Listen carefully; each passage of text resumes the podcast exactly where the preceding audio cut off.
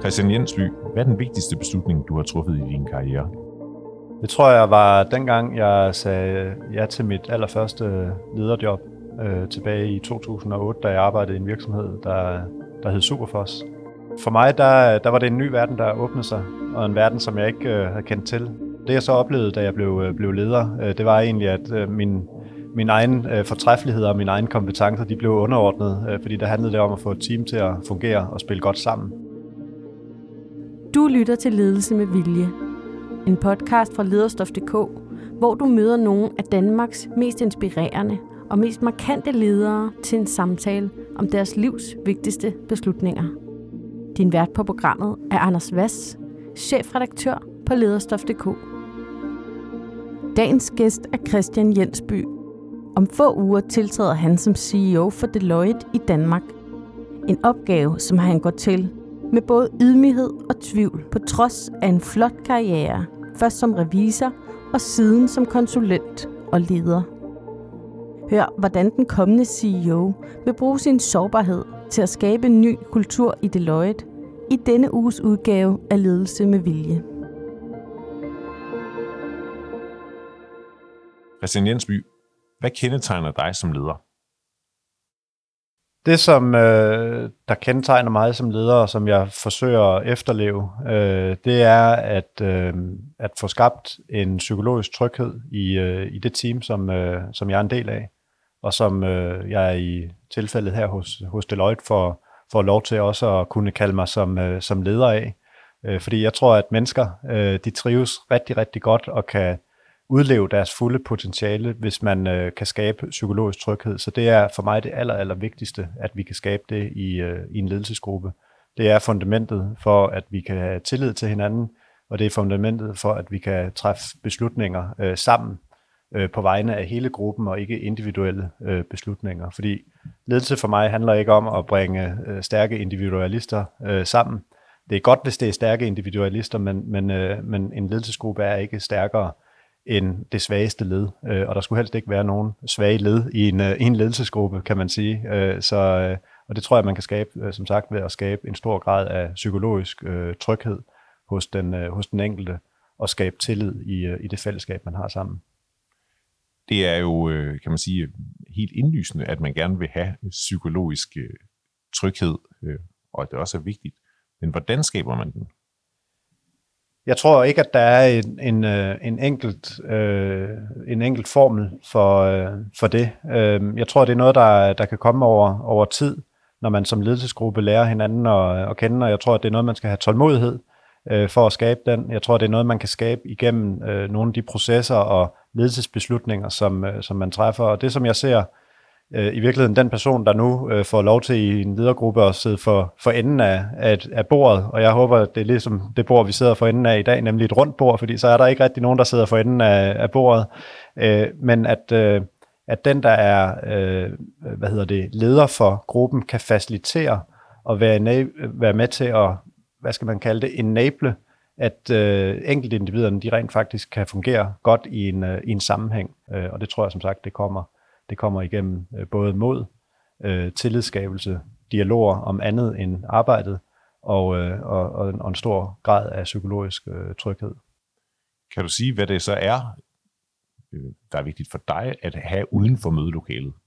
Ja, så jeg, jeg, jeg tror egentlig på, at jo bedre vi, vi kender øh, hinanden, vores arbejde er jo en, for mange af os en stor del af vores, øh, af vores liv, i hvert fald hvis man sådan måler de antal timer, vi bruger på det. Øh, vågne timer, som vi bruger på det, og nogle gange også øh, måske i underbevidstheden, når vi, øh, når vi sover. Men, men der er jo meget, mange andre ting i livet også, og jeg tror, at hvis vi er nysgerrige på, hvad er det, der enten gør dig øh, glad uden for dit arbejde, hvad er det, der driller måske øh, i dit fritidsliv i forhold til øh, din familie eller relationer uden for dit arbejde. Hvis det er, hvis det er områder, som vi tør åbne op for, øh, og vise følsomhed omkring, jamen så tror jeg, at der er en, en kortere vej Øh, og jeg tror faktisk også, det er den eneste vej til at nå frem til at få øh, rigtig dyb tillid øh, til hinanden, fordi kun igennem det, så kan vi hjælpe hinanden, ikke bare som gode kollegaer og som øh, gode øh, ledere sammen, men også som mennesker. Nu bliver du CEO for øh, Deloitte i Danmark lige om lidt, og det er 4.000 medarbejdere, og jeg tror, det er sådan noget som 500 nye medarbejdere hver det eneste år. Betyder det så, at hver gang du møder en, en ny, så har du som mål ikke bare at tale med vedkommende om det, vi rent faktisk skal tale om, men også prøve at forstå, hvem, hvad er det her for et menneske? Det er mange mennesker, der skulle kunne kapere, tænker jeg. Ja, så vi er jo vi er omkring 3.000 mennesker i vores danske firma, og vi ansætter faktisk, øh, det er rigtigt, som du siger, cirka 500 øh, hvad hedder det, unge mennesker, der kommer direkte fra uddannelsesinstitutionerne øh, hvert år, og så ansætter vi næsten lige så mange, som, øh, som kommer øh, til os fra et andet job, øh, så det vil sige øh, med erfaring andre steder fra. Så, så i omegnen af 800-1000 mennesker siger vi velkommen til i, øh, på et af vores kontorer i Deloitte øh, hvad hedder det, i løbet af et, af et helt almindeligt år. Det er rigtig, rigtig mange. Så det her handler selvfølgelig ikke om, at, øh, at jeg desværre kan nå at lære øh, 800 nye mennesker at kende hvert år. Det ville have været dejligt, hvis, hvis det kunne lade sig gøre. Det er praktisk ikke muligt, men det der er muligt, det er, at hvis vi bliver dygtige til at skabe det rigtige ledelsesrum og den rigtige ledelseskultur for toppen, så kommer det til at have en påvirkning øh, hvad hedder det, i hele vores organisation. Og det kan, det kan alle de nye mennesker, der går ind igennem døren øh, hos, øh, til os øh, året rundt, det kan de faktisk godt mærke, tror jeg. Jeg kan i hvert fald godt mærke, dengang jeg startede øh, som, øh, som ung revisor for, øh, for 22 år siden, der kan jeg faktisk huske min første arbejdsdag nede på, på midtermålen, og det gjorde et ret stort indtryk på mig, de mennesker, jeg mødte den dag, og den kultur, der var i det firma, jeg startede i øh, på det tidspunkt. Et godt eller et dårligt indtryk? Det var et godt indtryk, øh, overordnet set, og når jeg siger det på den måde, så er det jo fordi, at øh, der er nogen, de har det som et naturtalent, at, øh, at de er dygtige, øh, kan man sige, til at interagere med, øh, med, med andre mennesker, og, og har den gave med fra fødslen. Men der er også mange af jer, som ikke har det som øh, nødvendigvis et naturtalent, som kan træne den muskel, og det tror jeg faktisk, at vi alle sammen vi, øh, vi kan. Så, så jeg har også stødt ind i, i min karriere i ledere, som, som jeg måske ikke kunne spejle mig selv øh, specielt meget i. Øh, men men for, det, øh, for det meste så har jeg stødt ind i, i rigtig, rigtig dygtige ledere, og ledere, som der har haft en stor øh, hvad hedder det, indflydelse på, øh, på min øh, karriere, og ikke bare på min karriere, men også på mit liv, øh, sådan helt generelt. Du har før omtalt dig selv som en særlig sensitiv leder. Hvad er det, du mener med det? Jamen det, jeg mener med det, øh, og det er egentlig ikke, fordi jeg mener så meget, kan man sige, med det, men det er mere, at jeg som voksen øh, er blevet bevidst omkring, øh, hvad hedder det, at øh, jeg ved egentlig ikke, om det er en diagnose, men, men at jeg som, som menneske faktisk er særlig sensitiv. Øhm, og det betyder, at jeg fungerer, ligesom alle andre mennesker, så fungerer jeg klart bedst, hvis, øh, hvad hedder det, hvis der er en høj grad af psykologisk øh, tryghed. Øhm, og hvis jeg har nogle ledere, som er i stand til at give mig det, øhm, og det, sådan fungerer alle mennesker jo bedst. Det er der sådan set ikke noget specielt revolutionerende i, tror jeg ikke. Øh, men, men jeg har måske brug for lidt mere af det, øh, så jeg er ikke øh, på den måde faldet i, øh, i, i, i gryden med, øh, med sådan en udpræget selvtillid, tror jeg, øh, som, øh, som barn. Øh, så jeg har, jeg har faktisk ret meget brug for, at, øh, at, at mine ledere, de rent faktisk øh, er der for mig, at de har min ryg. Og det betyder jo ikke, at, at, øh, hvad hedder det, at jeg ikke skal have coaching og så videre, øh, fordi at jeg har en hel masse udviklingsområder også, men, men, men det betyder, at øh, hvad hedder det, det omkring psykologisk øh, tryghed er sindssygt vigtigt øh, for mig, øh, fordi at jeg ved, hvad det har betydet for min karriere. Hvornår har du været allermest udfordret på din egen følsomhed kontra det, du oplevede i dit arbejdsliv? Øh, det har jeg været, når jeg har lavet fejl. Øh, hvad hedder det? Så, øh, så, så noget af det, jeg har arbejdet med, fordi ingen af os er jo øh, heldigvis øh, ufejlbarlige, øh, og, øh, og jeg, jeg har kæmpet lidt med øh, øh, historisk, altså at, øh, at hvis jeg har lavet en fejl, øh, så, øh, så har jeg øh, så, altså, så, har den, så har den rent psykisk ramt mig. Øh, jeg ved jo ikke, om den har ramt mig hårdere, end den vil ramme andre mennesker, men, men, men den har ramt mig for hårdt, har jeg kunnet se efterfølgende.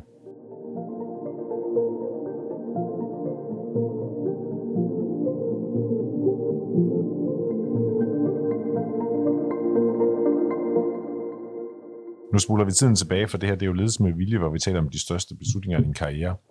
Og øh, vi har valgt dem sammen. Den første er øh, helt tilbage, da du er, øh, er færdiguddannet. Eller måske ikke helt så færdiguddannet, som du øh, senere finder ud af, at øh, du gerne ville være. Ja. Kan du fortælle, hvad det er for øh, en, en, en tvivl, du kommer ind på, øh, på arbejdsmarkedet med, og hvad er det for en beslutning, det fører til? Ja, jeg startede jo som sagt øh, for øh, min karriere øh, for 22 år siden øh, som øh, revisor i en øh, virksomhed, som der hed Arthur Andersen øh, på daværende tidspunkt. Og det viser sig, det viser sig at Arthur Andersen kun endte med at, øh, at overleve et år efter, jeg var startet. Jeg, jeg tror ikke, det havde noget med, med mig at gøre, øh, men på grund af en, øh, en sag i, øh, i USA. Og, øh, og jeg startede som sagt som, øh, som revisor, øh, og, øh, og jeg, for at være helt ærlig, så havde jeg i, øh, i det første år halvandet, der havde jeg svært ved at helt se meningen. Hvad er egentlig slutbilledet af det her? Jeg havde svært ved at se linket fra det, jeg lærte inde på øh, CBS, til de arbejdsopgaver, som jeg udførte som, øh, som ung øh, revisor. Jeg var 23 år på det tidspunkt, og, øh, og startede jo med at arbejde sideløbende med, at jeg læste øh, Kant Out. Og det betød, at øh, jeg, var, jeg var nok lidt øh, utålmodig. Det tror jeg var, var fair at sige. Det tror jeg stadigvæk er. Nu har jeg lært en eller anden øh, måde at styre den utålmodighed på. Men det betød, at jeg egentlig ret hurtigt skiftede over i vores konsulent, øh, konsulentben. Simpelthen fordi, at jeg ikke kunne se perspektivet øh, i de arbejdsopgaver, som jeg lavede som, som ung, øh, ung revisor. Øhm, og, øh, og så i 2004, øh, da jeg havde været i, øh, i Deloitte, blev det jo til i tre år på daværende tidspunkt, så skiftede jeg ud i industrien. Øh, og jeg kom øh, ret hurtigt til en virksomhed, som, øh, som hedder Superfos, og øh, der kom jeg til at arbejde rigtig tæt med, øh, med det revisionsteam, som vi havde der. Det kom fra KPMG. Øh, og, øh, og det var et super dygtigt øh, revisionsteam, og jeg kom til at arbejde meget tæt med den, øh, sammen med den partner, øh, som, øh, som var på det revisionsteam. Og lige pludselig så gik det op for mig, hvor spændende et arbejde han faktisk havde, og hvor spændende et arbejde de, øh, de senior øh, folk, som han havde med på det team, øh, de havde, og hvor meget de virkelig kunne hjælpe mig, ikke bare med den sådan faglige, øh, revisionstekniske udfordring, som jeg nogle gange øh, sad overfor, men meget bredere end det. Altså de var en slags husdoktor for os i, øh, i Superfos, og, øh, og så fortrød jeg, fordi lige pludselig kunne jeg se det perspektiv, så fortrød jeg, at jeg havde truffet den beslutning, øh, hvad hedder det, øh, som 24-årig, at jeg var, at jeg var gået ud af den, øh, af den retning øh, som, øh, som revisor øh, fordi jeg kunne se, hvor meget man rent faktisk kunne bruge det til. Øh, og det har jeg ærget over lige siden. Nu er, det, nu er det nok for sent, kan man sige, at tage den, uh, tage den op igen, men jeg er rigtig glad for, at det er en rigtig, rigtig stor del af min hverdag også i, øh, i dag, fordi at det er så meningsfyldt, det som vores øh, revisorer laver. Så, uh, så det, det, var, det var vel sådan en, en aha-oplevelse, jeg fik der efter et par år. Hvad siger det om dig som menneske, at du synes, at, at, at den her slags, som jo er øh, i hvert fald meget detaljeorienteret og øh, øh, revision, at det er spændende? Som menneske er jeg, nu, nu har jeg, jeg var på sådan et kursus sidste år, øh, hvad hedder det, det var første gang, jeg var på, øh, på skolebænken igen, øh, siden, øh, siden CBS, øh, siden Handelshøjskolen, og der, der lærte jeg en hel del om mig, mig selv. Det var, det var ikke sådan et fagligt øh, værktøjskursus, det var egentlig et kursus, der handlede om at forstå øh, sig selv på sådan et mere psykologisk plan, og også forstå, hvad det er for nogle styrker, øh, men også udviklingsområder, man har rent kommunikationsmæssigt. Og, øh, og der lærte jeg, at øh, det vidste jeg egentlig godt, at, at jeg er meget, meget lidt interesseret i detaljer. Jeg, jeg kan rigtig godt lide at se sådan lidt, lidt større sammenhæng, eller større billeder, kan man sige, og så kan det godt være, at vi kun kan få det 80% præcist, men det er ret ofte, at 80% præcision, øh, hvad hedder det, hvis, hvis tid også er en, en parameter, at det er rigeligt til at kunne træffe en meningsfyldt og rigtig, nogenlunde rigtig beslutning. Øhm, så, så hvad hedder det, så tilbage til dit, til dit spørgsmål, hvad det siger om mig som, som, øh, som, øh, som menneske, så siger det noget om, at jeg egentlig, jeg, jeg tror, jeg er rimelig rationel, det vil være fair at sige, Øhm, og jeg kan godt lide, at vi, øh, hvad hedder det, øh, øh, selvfølgelig har nogle stærke hypoteser omkring, hvordan verden den er sat sammen, og hvordan øh, forskellige problemstillinger de skal løses, men jeg kan egentlig også godt lide, at vi lærer os være relativt datadrevne omkring det. Øh, og datadrevne er ikke det samme som detaljeorienteret. Øh, så datadrevet for mig, det, datadrevet for mig, det handler om, at vi har tilstrækkeligt med data til, at vi rent faktisk øh, får det, vi kan sige, indsigt i et, et eller andet givet område, til at vi kan træffe en meningsfyldt øh, beslutning, baseret på den indsigt, og ikke kun baseret på mavefornemmelser. Øhm, så så det, det tror jeg, det er det, jeg vil sige, at, at det er nok det, det siger om mig som menneske, at øhm, det er ikke så meget detaljerne, det interesserer mig faktisk ikke så meget. Det er mere, hvordan kan vi bruge data til at skabe indsigt, til at skabe bedre beslutninger. Øhm, det, det, det synes jeg er super inspirerende, hvis, øh, hvis man kan arbejde på den, øh, på den måde. Nu må man jo sige, at øh, din karriere har været øh, ganske succesfuld, øh, og alligevel så fremhæver du en af de største beslutninger, noget du ikke gjorde, som du fortrød, altså at du ikke fortsat med, med revision. Er det noget, der ofte er tilfældet for dig, at du hænger dig i øh, forkerte beslutninger eller i fortrydelse? Jeg, jeg, jeg fortryder ikke noget. Øh, hvad hedder det? Fordi jeg, jeg synes, det er... Altså, det vil være så ærgerligt, hvis man skal... Man kan jo ikke rigtig lave det om, jo, kan man sige. Altså, det er svært, det er svært at... Altså, vi, vi er jo blevet til de mennesker, som vi er i dag, på grund af, af alle mulige, ret mange, ret, hvis vi skal være ærlige. Det kan godt være, at vi bagefter sådan ligesom kan sige, at der var en plan, og så, og så finder man på planen, men nogle gange så finder man nok på den plan øh, bagefter, så passer den plan lidt ind i det, der rent faktisk skete. Fordi det, der faktisk øh, øh, skete, og det, der er sket i mit liv, både privat og arbejdsmæssigt, det er, at de allerstørste ting, de har været tilfældige.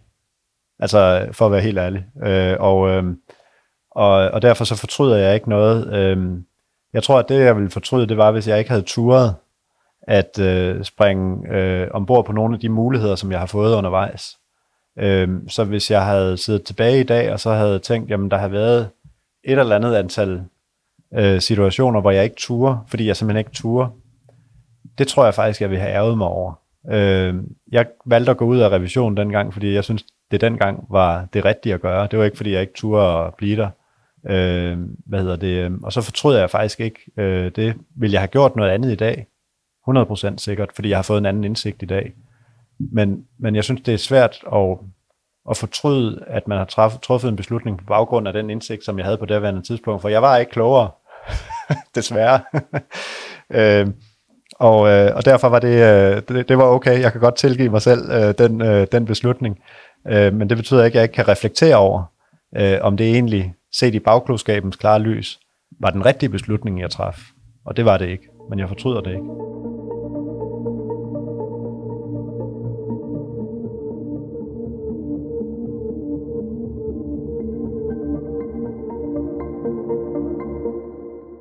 tilbage til de store beslutninger. Det er den, du øh, selv fremhævede som den, den allerstørste, da du siger ja til det første lederjob. Øh, på det her tidspunkt er du i, i Superfos, øh, plastikfabrikken, langt øh, her, her fra Deloitte hovedkvarteret.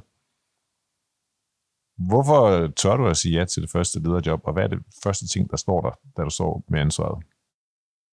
Da jeg bliver spurgt om, øh, om, om det, som egentlig var at, at blive øh, kan man sige, chef for vores koncernøkonomifunktion i, øh, i Superfos, og, og også få en, kan man sige, en lidt mere fremtrædende rolle i forhold til de lokale økonomichefer, som vi, øh, som vi havde. Da jeg siger ja til, til det job, øh, der, jeg, jeg tror faktisk ikke, jeg overvejede, om jeg skulle sige, sige nej til det. Og det var heller ikke, jeg tror faktisk ikke, at jeg vidste, hvad det var, jeg gik ind til, for at være helt ærlig. Min, min chef øh, sagde, jamen, nu har vi haft en, øh, en opsigelse. Øhm, jeg vil gerne øh, lave en, en ændring ledelsesmæssigt. Kunne du ikke tænke dig at tage ansvaret for, øh, for det her? Øh, og jeg så det nok mere som, at, øh, at det, var, det var sådan et naturligt næste step, og øh, René, som, som min chef øh, hed, øh, René var, var CFO for, for Superfos på daværende tidspunkt, han blev senere CEO for virksomheden. Øh, ham havde jeg super stor tillid til og rigtig godt øh, samarbejde med, så, så jeg tænker, men det, det lyder rigtigt. Det var, det var det, jeg skulle der. Jeg var 29 år gammel, øh, og, øh, og, øh, og det sagde jeg, det vil jeg gerne påtage mig. Øh, jeg kiggede nok faktisk mest på, hvad det var for en opgave, vi skulle løse, end hvad det var for nogle mennesker, øh, som, som jeg skulle løse de opgaver sammen med. Øh, og tænker, jeg følte egentlig, at det havde jeg nok indsigt til, at rent fagligt, at det kunne jeg godt, øh, det kunne jeg godt magte. Det jeg så bare opdagede, det var, at det havde jeg faktisk ikke indsigt i rent fagligt, fordi der var alle mulige hjørner, som jeg jo ikke kendte til, øh, og specialistområder, som jeg ikke kendte til, og, øh, og min øh, automatreaktion, det var, at så må jeg jo forsøge at dygtiggøre mig i alle de her områder her. Det er jo ret naivt at, øh, at tro, man, man kan det. Jeg vil undskylde mig med de 29 år, øh, hvad hedder det. Men fandt i hvert fald relativt hurtigt ud af, at hvis vi skulle skabe nogle gode resultater, så handlede det ikke om, at jeg skulle være dygtig til de der forskellige ting. Det handlede om, at vi havde et, et team, der sammen var dygtig til at løse de arbejdsopgaver, som, øh, som vi havde. Så det fandt jeg jo rimelig hurtigt ud af, at det var, det var den måde, at vi faktisk kunne skabe en, en, øh, både en stærk performance og også en stærk, øh, en stærk kultur det er jo ikke en hemmelighed, at det er langt de fleste, øh, der får deres første lederjob ved bare en eller anden form for forfremmelse, fordi der er et, øh, et hul, og at øh, det siger de fleste øh, ja til, uden at overveje, hvad der nødvendigvis kan være i det at være leder for andre. Hvad var det, det første, du lærte om at skulle lede andre? Jamen, der var vel to ting. Øh, det ene, det handlede om, øh, om, om, om, om det her med, at, at jeg ikke selv var specialist og den dygtigste til alle de opgaver, som vi rent faktisk skulle, skulle udføre i den her koncern økonomifunktion. Så det var det ene, jeg opdagede. Det opdager man rimelig hurtigt, fordi det, det, det finder man øh, det finder man ud af, at, øh, at, at, at man faktisk heldigvis faktisk ikke har alle de kompetencer, øh, men at man skal have andre mennesker til at fungere godt sammen. Så det var det første, jeg opdagede. Øh, det andet, som jeg opdagede, det var, øh, og det kan jeg faktisk huske, at det, det skræmte mig måske lidt, men det var egentlig øh, kollegaer, som, øh, hvad hedder det, øh, som begyndte at betro sig til mig også med øh, udfordringer, som, øh, som de havde uden for, øh, for deres arbejde. På en anden måde, end de havde gjort dengang, at det bare var øh, kollegaer. Øh, hvad hedder det? Øh, fordi nu var jeg leder for, det var ikke et stort team, men altså for, for de her super, super dygtige mennesker, som jeg arbejdede sammen med øh, i Superpost dengang. Øh, og, og begynde at have, kan man sige, altså spille faktisk en vigtig rolle for dem, ikke bare i den funktion, øh, arbejdsfunktion, som, som de havde hos Superforce, men som mennesker. Øh, det var en øjenåbner, øh, som jeg ikke havde, øh, havde forestillet mig. Det må jeg indrømme. Den var helt ny. Jeg havde ikke prøvet det før. Hvordan taklede du det? Øhm, det er et godt spørgsmål. Altså det er, det er faktisk måske lidt ligesom at blive øh, forældre. Jeg blev forældre første gang som 25-årig. Der, der oplever man også noget, som man heller ikke havde øh, forestillet sig øh, før. Nogle problemstillinger, som, som, som man slet ikke er forberedt på at skulle løse. Men når du sidder i dem, så får man faktisk øh, løst dem på den bedst mulige måde. Så den måde, jeg taklede det på, tror jeg, at det, det bedste, jeg kan karakterisere det ved, det var, at jeg gjorde mig øh, helt vildt umage. Fordi jeg, jeg kunne mærke, at det her var faktisk ret vigtigt. Altså ikke bare for mig selv, men, men for et andet menneske. Øh, så, så jeg prøvede at gøre mig helt vildt umage med at, at være en ordentlig leder, altså at gøre det der ordentligt. Giver det mening? Altså, øh, du ved, så det var ikke, det var ikke fordi, at der var sådan et større logisk rationale mellem, nu gør jeg sådan, og så, øh, så laver jeg en plan for det. Men, men da jeg sad i situationen, øh, så gik jeg ind i situationen og forsøgte at gøre det bedste, som jeg overhovedet kunne. Øh, og selvom det bedste, man overhovedet kan, når man igen for mit vedkommende er 29 år gammel og, øh, og totalt uerfaren som leder, så tror jeg faktisk, at, at den anden person, der sidder på den anden side af bordet, kan faktisk godt mærke, ham der den unge mand, der han forsøger faktisk det bedste, han nu har lært.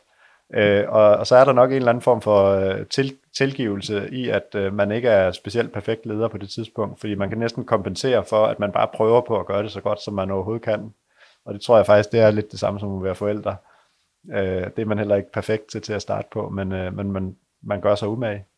Og, øh, og det, er jo, det er jo det eneste, man næsten, det er det eneste krav, man kan stille til mennesker. Det er godt det bedste. Hvis du ser tilbage på øh, Christian Jensby øh, dengang, og så i dag, var du lige om lidt er CEO for øh, Deloitte.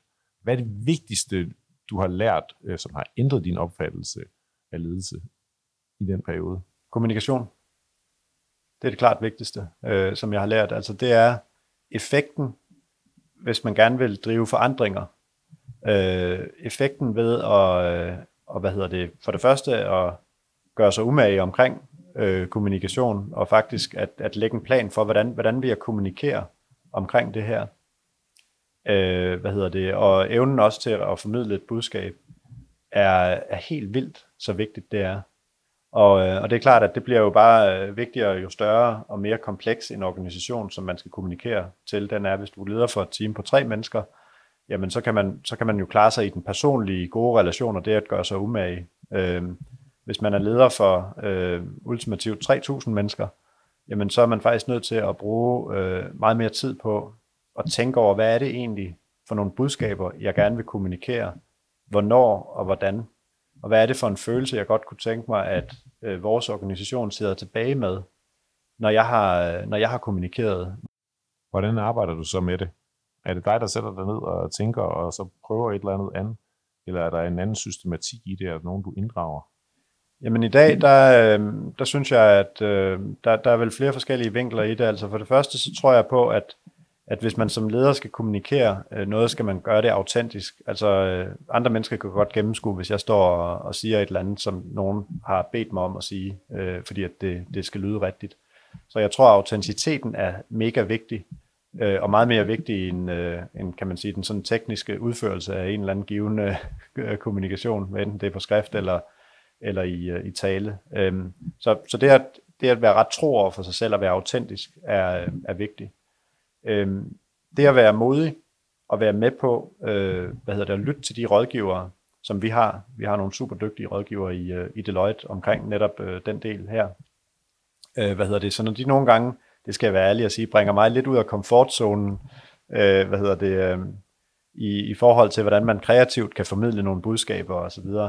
Så, det at være, være modig og ture det, øh, det har været en rejse for, øh, for mit vedkommende.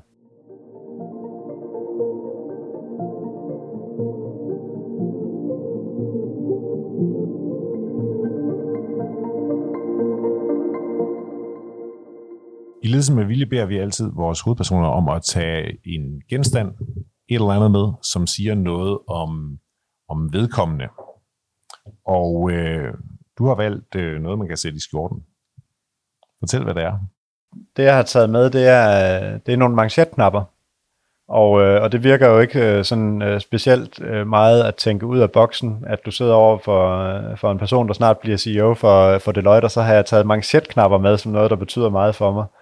Øh, det er ikke ret opfindsomt, men, øh, men der er en historie bagved, fordi at de er udformet som en, øh, som en cykelrytter. Øh, Øhm, og cykling har betydet rigtig meget for mig de sidste, de sidste 25 år. Jeg er super passioneret omkring selv stadigvæk at cykle og, og følger med i, øh, i den verden, og, øh, og havde også oprindeligt en drøm om, at, øh, at, at måske at kunne komme til at cykle på de, øh, på de franske landeveje, dengang jeg var helt, øh, helt ung i, øh, i Tour de France, øh, og det blev det aldrig nogensinde til, og derfor så, øh, så, så, så kan jeg sådan få et lille smil på læben, når jeg, når jeg sidder og kigger på de her manchetknapper. Øh, og så har jeg fået dem af, min, øh, af mine to døtre, øh, som, øh, som jo betyder alt for mig, øh, og, øh, og det er egentlig derfor, at at det er sådan en, en, øh, en lille ting, nu når jeg rent faktisk ofte går i, øh, i skjorter, hvor, øh, hvor jeg skal have sådan nogen i, så tænkte jeg, jamen, så kunne jeg lige så godt øh, slå to fluer med, øh, med et smæk, så de betyder noget for mig, øh, fordi at dem, jeg har fået dem af, øh, betyder rigtig meget, og, øh, og fordi det, det, som de symbolis- symboliserer, betyder rigtig meget. Cykling er jo en, en sport, hvor man virkelig skal yde, øh, hvor øh, der er sådan et, et til et forhold mellem, hvor meget man, øh, man slider, og hvor langt man når. Øh, er det også et billede på, øh, på, hvordan du ser arbejdslivet?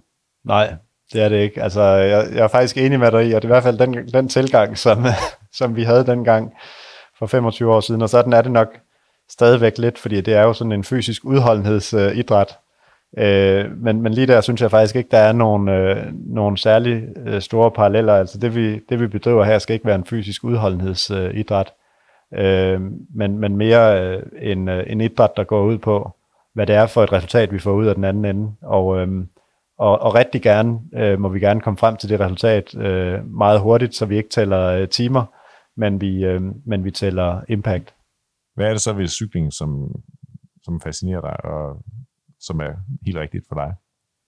Jeg synes, øh, der er noget romantisk over, øh, over cyklingen. Det er jo en, øh, det er jo en gammel arbejdersportsgren, øh, og ikke fordi der ligger noget sådan, særligt sådan romantik i, øh, i det, men, men den kan fortælle nogle historier, synes jeg, igennem, øh, igennem sporten. Øh, den kan fortælle nogle historier både på et individuelt niveau, men også på et, øh, på et team-niveau. Øh, Især i de senere år, så er, så, er, så er det at arbejde med at bygge nogle stærke teams i cykelsporten er blevet altafgørende for at kunne skabe resultater. Øh, og, og der er heldigvis ikke længere øh, den der en-til-en sammenhæng imellem dem, der har det største budget, og, og dem, der, der skaber de bedste resultater. Det er faktisk det stærkeste team, der skaber de bedste resultater. Og, øh, og meget ofte, øh, jamen, så har det været øh, nogen, der har haft et budget, der ligger sådan i, i midten af feltet, hvis man kan sige det på den måde. Og så synes jeg, når man kigger nogle, når man ser, og jeg er jo totalt nørdet omkring det her, men når man ser nogle af de, de lange øh, cykelløber, nu sidder vi lige foran sådan forårsklassikerne, så fortæller de jo en historie i sig selv. Det er jo ret dramatisk, altså at øh, du beder nogle cykelryttere køre med 70 km i timen ind mod Arnbergskoven. Øh, og så møder de jo nogle brosten, øh, som jo ikke ligger sådan, som man vil lægge brosten i dag, men som ligger nærmest sådan hulter til bulter. Øh, og og det, det mod og det vinderinstinkt, som, øh, som de udviser, det synes jeg er, er totalt fascinerende, øh, og også øh, bindegalt i virkeligheden.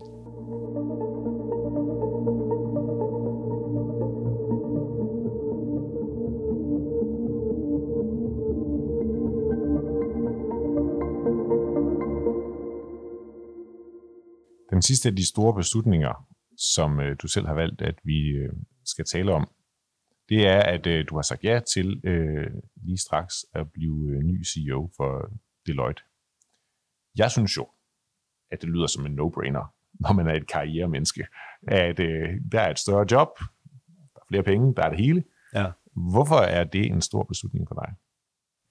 Øhm, jamen det er det, fordi at øh, øh, fordi jeg er i tvivl om, jeg kan, og det er jeg stadigvæk. Altså, øh, øh, hvad hedder det, øh, så jeg, jeg synes jo, vi har haft en fuldstændig fantastisk øh, CEO de sidste 10 år i, øh, i Anders, og jeg synes, øh, alle de ting, som, øh, som han har gjort, har, har, har bragt os derhen til, hvor vi er i dag, som er et rigtig, rigtig godt sted. Øh, og, øh, og Anders han har en gave på, øh, på den måde, som han gør det på, fordi han gør det fuldstændig autentisk. Øhm, og det er rent faktisk, og, fordi jeg havde ikke tænkt så meget over, om det var en vej for mit vedkommende, hvis jeg nu skal være helt ærlig. Jeg havde travlt med at bedrive det job, som, øh, som jeg har haft indtil nu, øh, og været super glad for.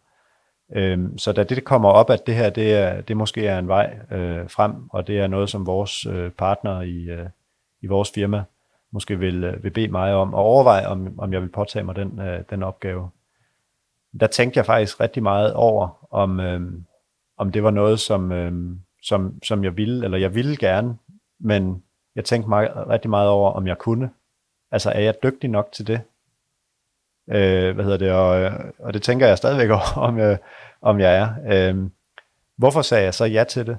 Øh, jamen, det gjorde jeg, fordi at, øh, at jeg synes, jeg begynder øh, over tid har, har fået et sådan ret klart billede af, hvad er de næste steps, hvad er det, det sådan indeholder. Faktisk har en ret stærk intuition omkring, hvad det er for en retning, øh, vi skal, og også nogle af de forandringer, som, øh, som jeg synes, vi skal, øh, vi, skal, vi skal lave. Kan vi blive specifikke om, hvad det er, du er mest nervøs over? Hvad er det, du tænker, du mangler? Jeg ved egentlig ikke, om jeg sådan kan sætte fingeren på en specifik ting, som jeg frygter, at jeg, øh, hvad hedder det, øh, at jeg mangler pensum i det job her. Er ret, øh, det er jo ret stort, og det er, det er på sin vis faktisk også en lille smule ukonkret. Forstået på den måde, at jeg tror, at det vil være svært for andre at sætte sig ned og skrive sådan en job, jobbeskrivelse, og så sige, at det her det er mit job. Fordi at der er så mange facetter øh, i det, og man skal, man skal reagere, reagere øh, og agere i så mange forskellige øh, situationer. Øh, så så der, der er ikke en sådan en specifik øh, del, som jeg på den måde øh, frygter. Man kan sige, at det, som jeg har været mest øh, forbeholden overfor, det er, at, øh, at, at Deloitte er jo en institution i det danske samfund. Og, øh, og derfor så er CEO'en for den institution, uanset om CEO'en hedder Christian, eller om CEO'en hedder Anders, eller noget helt, helt tredje, har jo bare en rolle, som er synlig. Øh, og, øh, og jeg har aldrig drømt om altså at være i medierne, eller drømt om at være på en avisforside, eller drømt om øh, på den måde at være en offentlig person. Øh, og nu skal vi heller ikke gøre det værre, end, øh, end hvad det er, men jeg kan godt mærke, at, øh, at det her det er jo et, et mere offentligt kendt job. Det er det bare. Øh, hvad hedder det? Fordi vi er så fantastisk en virksomhed, som vi, øh, som vi er, end, øh, end, end det, jeg har lavet tidligere. Og, øh, og det har jeg tænkt meget over, øh, fordi det, ikke, det har ikke været en del af min drøm. Altså jeg har ikke siddet som 15-årig og har tænkt, jeg kunne godt tænke mig at blive et kendt menneske. Det har jeg simpelthen ikke. Altså det er ikke ambitionen. Øh, min ambition det er at gøre, være med til at gøre Deloitte til den virksomhed i, i Danmark, som er aller, aller bedst til at udvikle øh, talent, og igennem øh, at gøre det, at vi så er aller, aller bedst til at løse nogle af vores kunders allermest komplicerede opgaver. Nu sidder vi her i Deloittes hovedkvarter i København, og, øh, og det her CEO-jobs, det, øh, det hører til her. Men du bor i Aarhus, ja. og jeg tænker, at øh, der også er nogle timer i selve jobbet, udover at man skal frem og tilbage. Hvordan kan du få det her til at hænge sammen som menneske? Jamen, jeg vil starte med bare at præcisere, Anders, det her CEO-job, det hører til her. Det gør det faktisk ikke. Øh, fordi at øh, det her CEO-job, det hører til øh, på alle vores kontorer i, øh, i Danmark, og det hører til på alle universiteterne i, øh, i Danmark, og, øh, og det hører til hos alle de kunder, som vi har i, øh, i Danmark, som vi har i alle geografier og i alle størrelser og i alle industrier. Øh, så på den måde, så får jeg et, øh, et job, som er landsdækkende, Øhm, og det her det er ikke bare en tale, som jeg har forsøgt at bilde min øh, hustru ind derhjemme, at jeg kommer til at være mere hjemme. Det er ikke sikkert, at jeg, jeg kan levere på, øh, på den del, men jeg kommer til at være rigtig meget rundt i, øh, i vores land, og jeg kommer til at være hele øh, Deloittes øh, CEO, og jeg kommer ikke til at være en Københavner CEO. Øh, hvad hedder det, og, og det har Anders i øvrigt heller ikke været. Øhm, så det er det, der ligger, kan man sige, i rollen, og det er det, der ligger i vores, øh, vores kultur. Så er det klart, at en rigtig, rigtig stor øh, del af vores øh, medarbejdere sidder på det her kontor, som vi sidder på i dag, øh, nemlig i, øh, i København. Så jeg kommer til at være rigtig meget øh, i København, og har også været rigtig meget i København i, i de sidste mange år, hvor vi også har boet i Aarhus. Øh, så det vi har besluttet os for som, øh, som familie, øh, det er, at øh, det er der, vi har vores, øh, vores base. Og øh, så må jeg rejse lidt rundt, øh, og så kommer Mette en gang imellem med til, øh, til København, når, øh, når det passer ind i, øh, i, i hendes program. Øh, og det fungerer egentlig øh, ganske, ganske glemrende på den måde. Så vi flytter ikke herover. Nu tænker jeg også på, hvor mange timer det egentlig koster alt i alt. Øh, både at have det arbejde, du har nu, og det arbejde, du så står, står foran. Ja. Jeg bruger meget tid på mit, øh, på mit, på mit arbejde, og det, det skal måske også forstås på den, øh, på den måde, fordi jeg synes faktisk, der er en god balance, og hvordan kan der så egentlig være det? Jeg er super passioneret omkring øh, at cykle, og, øh, og troede jo på et tidspunkt, at det var den vej, øh, min karriere den skulle, øh, den skulle gå. Hvad hedder det? Og hvis jeg skal give et eksempel, når du siger, men arbejder du meget, det her det handler ikke om at tale, tale udenom, men det handler i virkeligheden om, at det her ikke for mig er, er, at jeg har et arbejdsliv, og jeg har et privatliv. Jeg har jo et liv, øh, hvad hedder det, og, og prøver at få, få de ting til at flette sig godt sammen, så det giver mening for mit vedkommende. Og der synes jeg egentlig, jeg har fundet en god, øh, en god balance i det. Om en uge, der tager jeg til, øh, til Flanderen, der er jo snart Flanderen rundt, og, øh, og så, øh, så cykler jeg det motionsløb, øh, der er dernede om øh, lørdagen, og ser så Flanderen rundt om, øh, om søndagen. Og det er i virkeligheden en, en arbejdsbegivenhed. Øh, så det deltager jeg i sammen med nogle af vores kollegaer fra England og fra, øh, fra Belgien. Og er det så privat, eller er det arbejde? For mig der er det sådan lidt ligegyldigt. Øh, det er sjovt. Og, øh, og hvad hedder det? Øh, og derfor er det svært for mig at sådan helt dele op, øh, du ved, hvad er arbejdstid og hvad er privat øh, tid, fordi at, at det flyder sammen, og det, det er jeg ikke sikker på, eller det ved jeg ikke, om det virker for alle, men, men det virker for mig, øhm, og, øh, og jeg har fundet en god, øh, en god balance i, øh, i det. Og jeg har også fundet en god balance i, måske mere konkret til dit spørgsmål, er at, så vidt muligt holde fri i weekenderne, øh, fordi at, øh, at det er i hvert fald vigtigt for mit vedkommende at få reflekteret og få lavet batterierne op og få løbet en tur og være sammen med, øh, med familien. Øh, og, øh, og ikke, øh, kan man sige, øh, bruge, øh, bruge alt min vågne tid på, øh, på computeren. Øh, det, det tror jeg ikke, jeg vil være den bedste udgave af mig selv, øh, hverken som, øh, som, øh, som far eller, eller ægtefælle eller, eller herinde i Deloitte. Ja, for jeg tænker, uanset om, om, om det er godt både for, øh, for privat Christian og for øh, arbejds Christian at øh, cykle rundt på nogle brosten i, i Belgien, så øh, er der jo også hensynet til din øh, familie, du har, du har børn. Hvor meget har det fyldt igennem din karriere, at du ikke har øh, været lige så meget sammen med dem, som du havde, hvis du havde været øh, hjemmegående husvar? Ja, så hvad hedder det? Øh, det, det, det tror jeg... Øh, det tror jeg har betydet noget for, øh, for mine børn. Øhm, altså forstået på den måde, jeg, jeg er egentlig ikke så meget tilhænger af, at øh, men, altså det her med, at det er kvalitetstid, når jeg er sammen med dem osv. Der er, der er faktisk øh, en konsekvens ved det fravær, som de jo har oplevet øh, hos, øh, hos mig. Det tror jeg, at det vil være, øh, det vil være ret naivt at tro andet. Øh, at hvis man spørger dem, vil, vil de hellere have, have haft, at jeg havde været mere hjemme.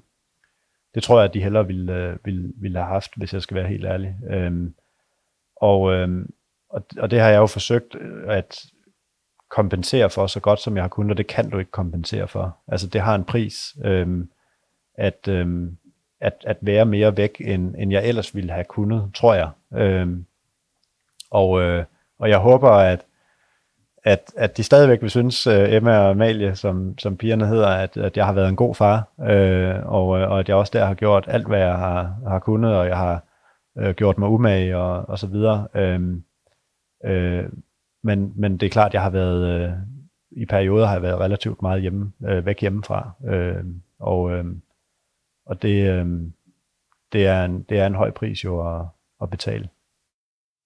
Har du en anden form for fortrydelse? Nej. Øhm, Altså jeg har, det håber jeg også, det sådan øh, fremgår, jeg, jeg er et ret positivt og glad øh, menneske. Jeg føler mig ekstremt privilegeret og er glad for det, som, øh, som, jeg, som jeg laver. Øhm, så, så det er faktisk altså på ingen måde øh, fortrydelse. Øhm, hvis det var det, ville jeg lave det om i morgen. Nu spørger jeg heller ikke for, øh, for at udskamme. Jeg spørger egentlig også, fordi at jeg ved, at noget af det, I gør rigtig meget op i her i Deloitte, det er at skabe en arbejdsplads, hvor der er plads til alle, og selvom det vægter rigtig højt øh, for dig, så er der jo andre medarbejdere, og måske øh, især i virkeligheden, hvis man ser på, hvem der er faldet fra, traditionelt set her, kvinder, som prioriterer deres liv på en anden måde, ja. og som vil have tid til deres børn. Ja.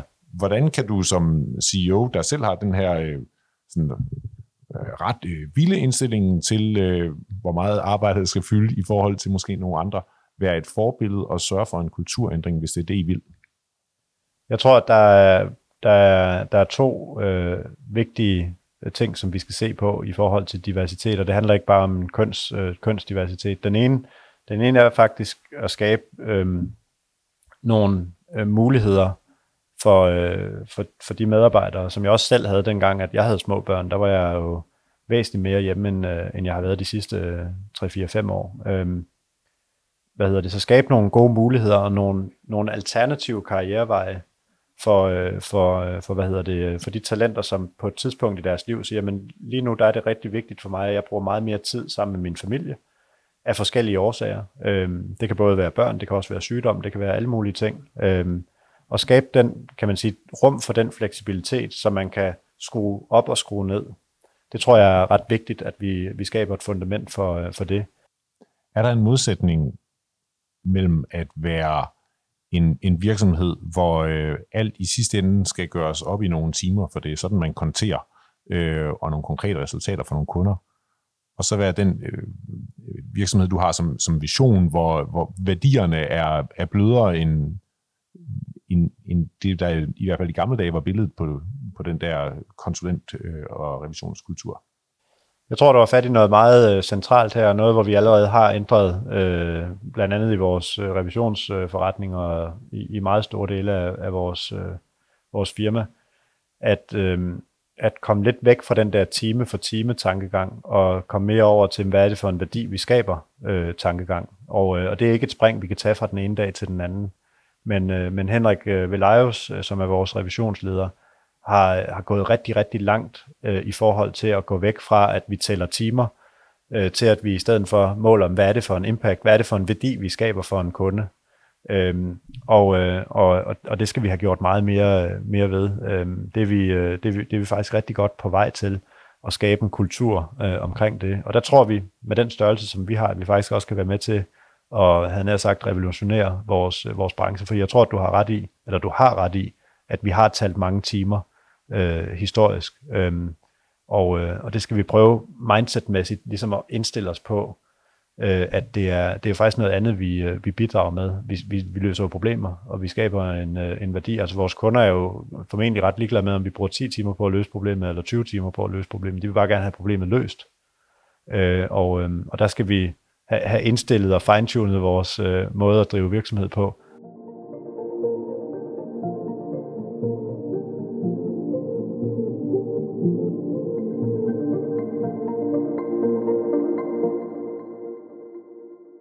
Vi slutter altid ledelsen med vilje af med at spørge vores hovedpersoner om, hvad er det for nogle store beslutninger, de står foran.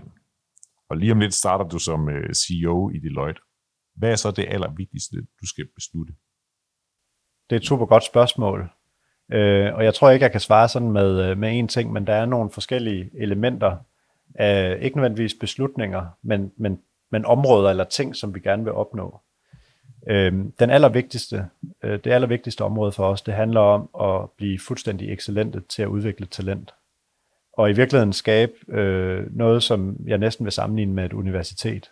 Øh, så det skal være sådan, at øh, når man lander i Deloitte, jamen så, øh, så skal man være fuldstændig tryg ved, at øh, der bliver bygget på, når vi taler livslang læring, både kompetencer sådan rent fagligt, men også kompetencer rent, øh, rent menneskeligt. Øh, så jeg kunne godt tænke mig, at vi bliver øh, den virksomhed i Danmark, som bliver aller, allerbedst til, øh, til det. Og hvad med dig personligt? nu bliver du CEO, og dermed kan man sige, så kulminerer din, øh, din karriere, og det er sådan et rotationsjob, så du har det ikke indtil du går på pension. Hvad, hvad skal din vej være? Jeg ser faktisk lidt, øh, og det her lyder ret underligt, tror jeg, men, men min karriere øh, ser jeg kulminere om, om et par 20 år. Øh, fordi der håber jeg, at, øh, at jeg bliver inviteret, for der er jeg sikkert gået på pension fra, fra Deloitte, der håber jeg, at jeg bliver inviteret til, til vores 200 års øh, jubilæum. Øh, og øh, og der, øh, der glæder jeg mig til at se, hvad det er for et fantastisk øh, firma, som, som, øh, som jeg kan sige, at det har jeg faktisk været med til at, øh, at bygge sammen med både de ledere, partnere, som der vil være i firmaet til den tid, og dem, der har været der de sidste, øh, på nuværende tidspunkt, 177-178 år. Øh, først der, der, der tror jeg, jeg vil være rigtig, rigtig stolt, når jeg ligesom kan se, hvad det her egentlig blevet til. Øhm, for mig der er det ikke et mål at få det her job her. Øh, det er det ikke. For mig der er det et, øh, et mål, at vi bringer det her fantastiske videre, øh, firma godt videre til den næste generation. Tak for det, og tak fordi du vil være med i Ledelse med Vilje. Tak fordi jeg måtte være med. Hvis du kunne lide at lytte til Ledelse med Vilje, vil du sikkert også blive glad for vores mellemlederpodcast Lederskabet. Hør for eksempel programmet med Maja Nyvold, der har en udfordring med at spotte mistrivsel og overdrevet arbejdspres, når hun leder sine medarbejdere gennem skærmen. Der skal være en virkelig god grund til, at man ikke tager kamera på. Fordi hvis folk sidder og kan gemme sig bag skærmen, så ved man jo ikke engang, om de hører efter, eller om de er engageret i den samtale, eller laver noget andet. Så, øh, så det er de, men det er de små tegn, for selv bag en skærm, så er det nemmere at skjule sig, end hvis du lige går over og tager fat i en ved siden af kaffemaskinen og siger, hey, hvordan har du det egentlig i dag? Og jeg ser, at du arbejder meget. Er det okay, eller bliver det for meget nu? Lederskabet, en mellemlederpodcast, giver både gæsten og dig, som lytter med, inspiration til, hvordan man selv kan blive en bedre leder. Lederstof.dk udgives af lederne.